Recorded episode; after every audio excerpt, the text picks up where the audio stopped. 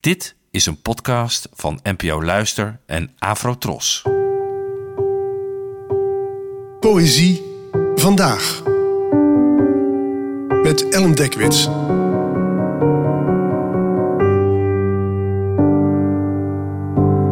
Hallo, fijn dat je luistert.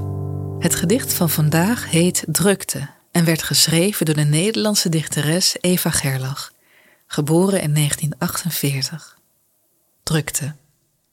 Het is raar gesteld met de doden. Schuiven in je aan, zitten met hun holtes in je knieën, hun kootjes in je vingers een brief te schrijven, even sloom als jezelf, even beperkt op de hoogte van weerberichten en genade, twijfel en kostprijs.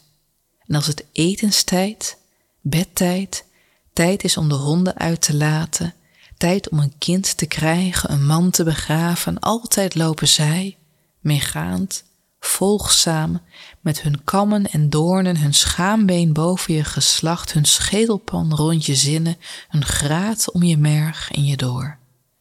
Tik, tik, tik. Alleen je vel dempt hun drukte een beetje. Het is soms een rare gedachte aan hoeveel verschillende mensen we ons bestaan wel niet te danken hebben. En soms ook dat er kenmerken van mensen in ons doorleven die we nooit hebben gekend. Ik heb mijn overgrootmoeder van moederszijde bijvoorbeeld nooit ontmoet, maar ik had volgens mijn oma haar oogkleur, dat wil zeggen kibigroen, terwijl de rest van mijn familie blauwe of bruine ogen heeft. En al mijn bloedverwanten hebben korte, wat gezette vingers, terwijl die van mij juist lang en knokig zijn. En mijn ouders grapten altijd dat ik wel van de melkboer moest zijn, tot we een foto vonden uit 1867 waarop mijn bedovergrootvader staat met precies die handen. En in dit gedicht van Eva Gerlach bewegen je voorouders toch nog een beetje in je voort. Ze zitten met holtes in je knieën.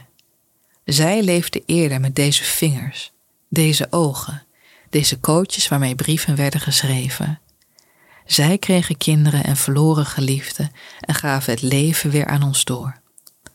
Het gedicht besluit met de gedachte dat we veel doden onder onze huid dragen, wat aanvankelijk best een griezelig idee is. Dat maakt van het lichaam immers ook een beetje een spookslot.